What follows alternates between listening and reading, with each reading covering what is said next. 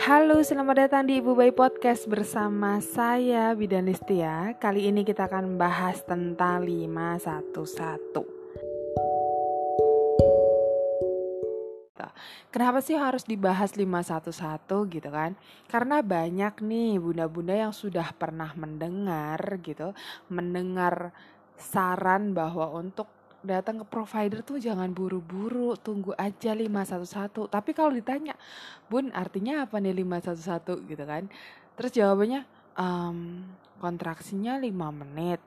Terus satunya itu 5 menit sekali kan. Terus yang satunya lagi apa? Um, apa ya? Apakah Bunda merasakan hal yang sama? Oke, jadi nggak usah lama-lama langsung kita bahas ya. Yuk, yuk, yuk, yuk, yuk dengerin yuk.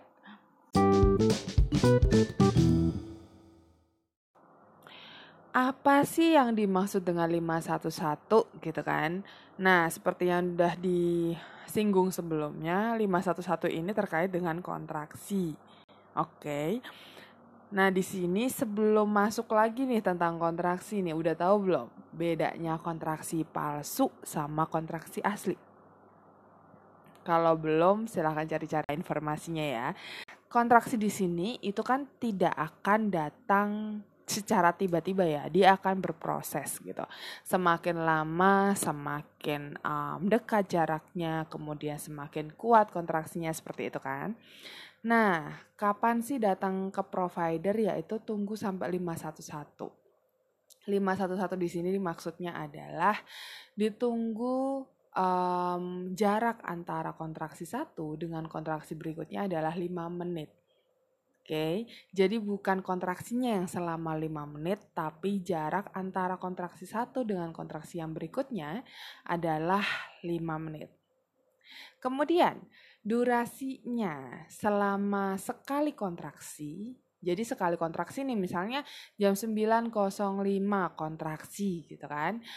Nah, kalau misalnya kontraksinya durasinya sudah satu menit, satu menit itu berarti 60 detik ya. Kalau misalnya durasinya nih jam 9.05 sudah satu menit. Kemudian jam 9 um, 11 gitu. Karena kan 9.05 kalau satu menit kan berarti selesai jam 9.06 ya. Kemudian jam 9 uh, 11 kontraksi lagi satu menit gitu. Kemudian 5 menit berikutnya kontraksi lagi satu menit. Nah, itu yang dimaksud adalah 51. Baru 51 ya. Tapi yang satu terakhir tuh apa sih? Yang satu terakhir adalah selama satu jam. Setelah diobservasi selama satu jam, kontraksinya ini 511 reguler terus gitu.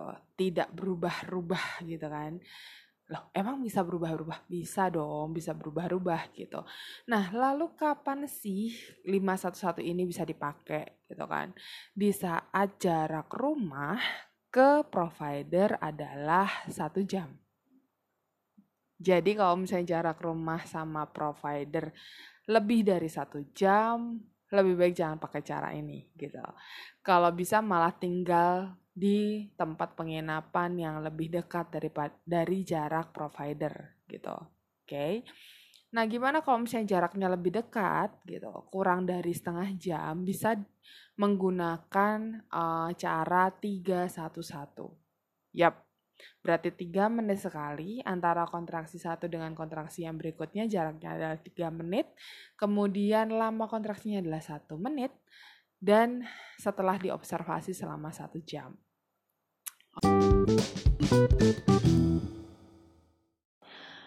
Terus cara hitungnya gimana kalau observasi selama satu jam gitu loh?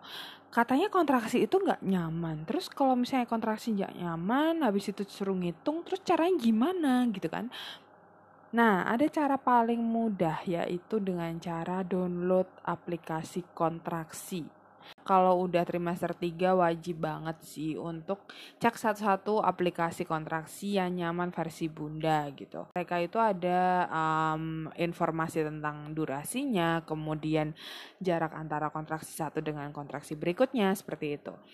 Jadi silahkan pilih, silahkan cari sendiri dan coba coba-coba dulu biar pas hari hanya udah nggak bingung-bingung lagi gitu cara pakainya. Oke. Okay? Ada nggak sih rekomendasi untuk aplikasi kontraksi gitu? Jawabannya apa aja boleh kok bunda. Karena menurut saya isinya juga sama aja, yaitu ada durasinya, durasi kontraksi sekali kontraksi itu ada berapa lama sih gitu.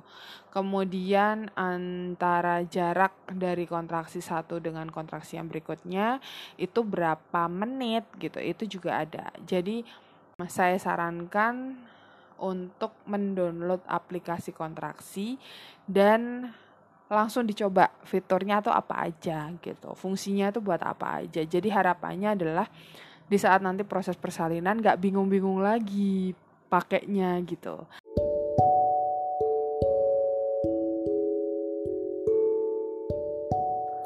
Terima kasih banyak sudah mau mendengarkan podcast kali ini. Jangan lupa untuk dengerin podcast yang lainnya. Kalau belum dengerin tentang tanda-tanda persalinan, silahkan langsung aja next ke podcast yang sebelumnya.